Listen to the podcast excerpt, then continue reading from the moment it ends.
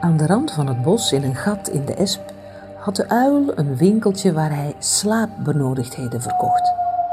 Hij had veren kussens, kleine groene dekens van mos, zakjes met zacht gesnurk, dozen met loomheid en lodderigheid, kisten vol gegeel en dikke mutsen om over ogen te trekken.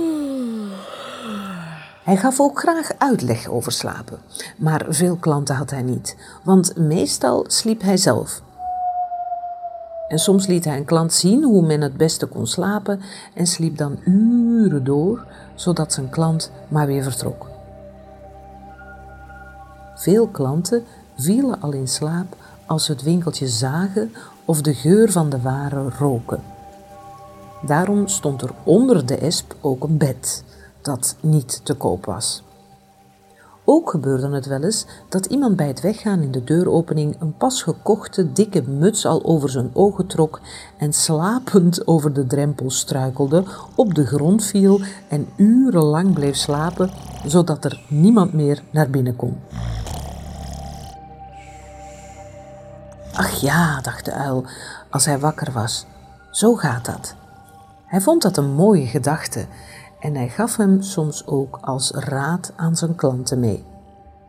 U gaat liggen, trekt dat groene dekentje over u heen en zegt: Zo gaat dat. En als dat niet helpt, dan rolt u zich op.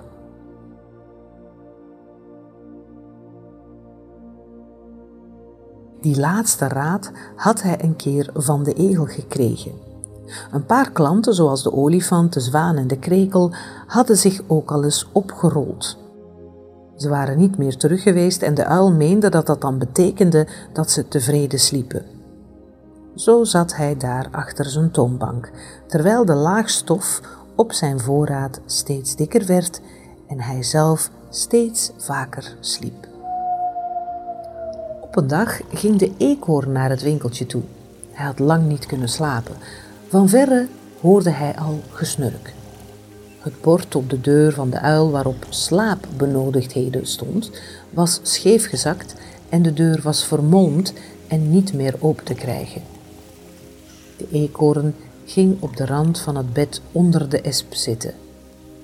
Hij luisterde naar het gesnurk dat uit het winkeltje kwam en dat het geritsel van de bladeren van de esp overstemde en hij kreeg plotseling zo'n slaap dat hij achterover viel en een hele dag en een hele nacht doorsliep.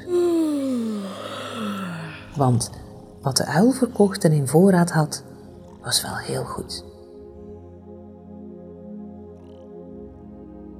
Wel te rusten.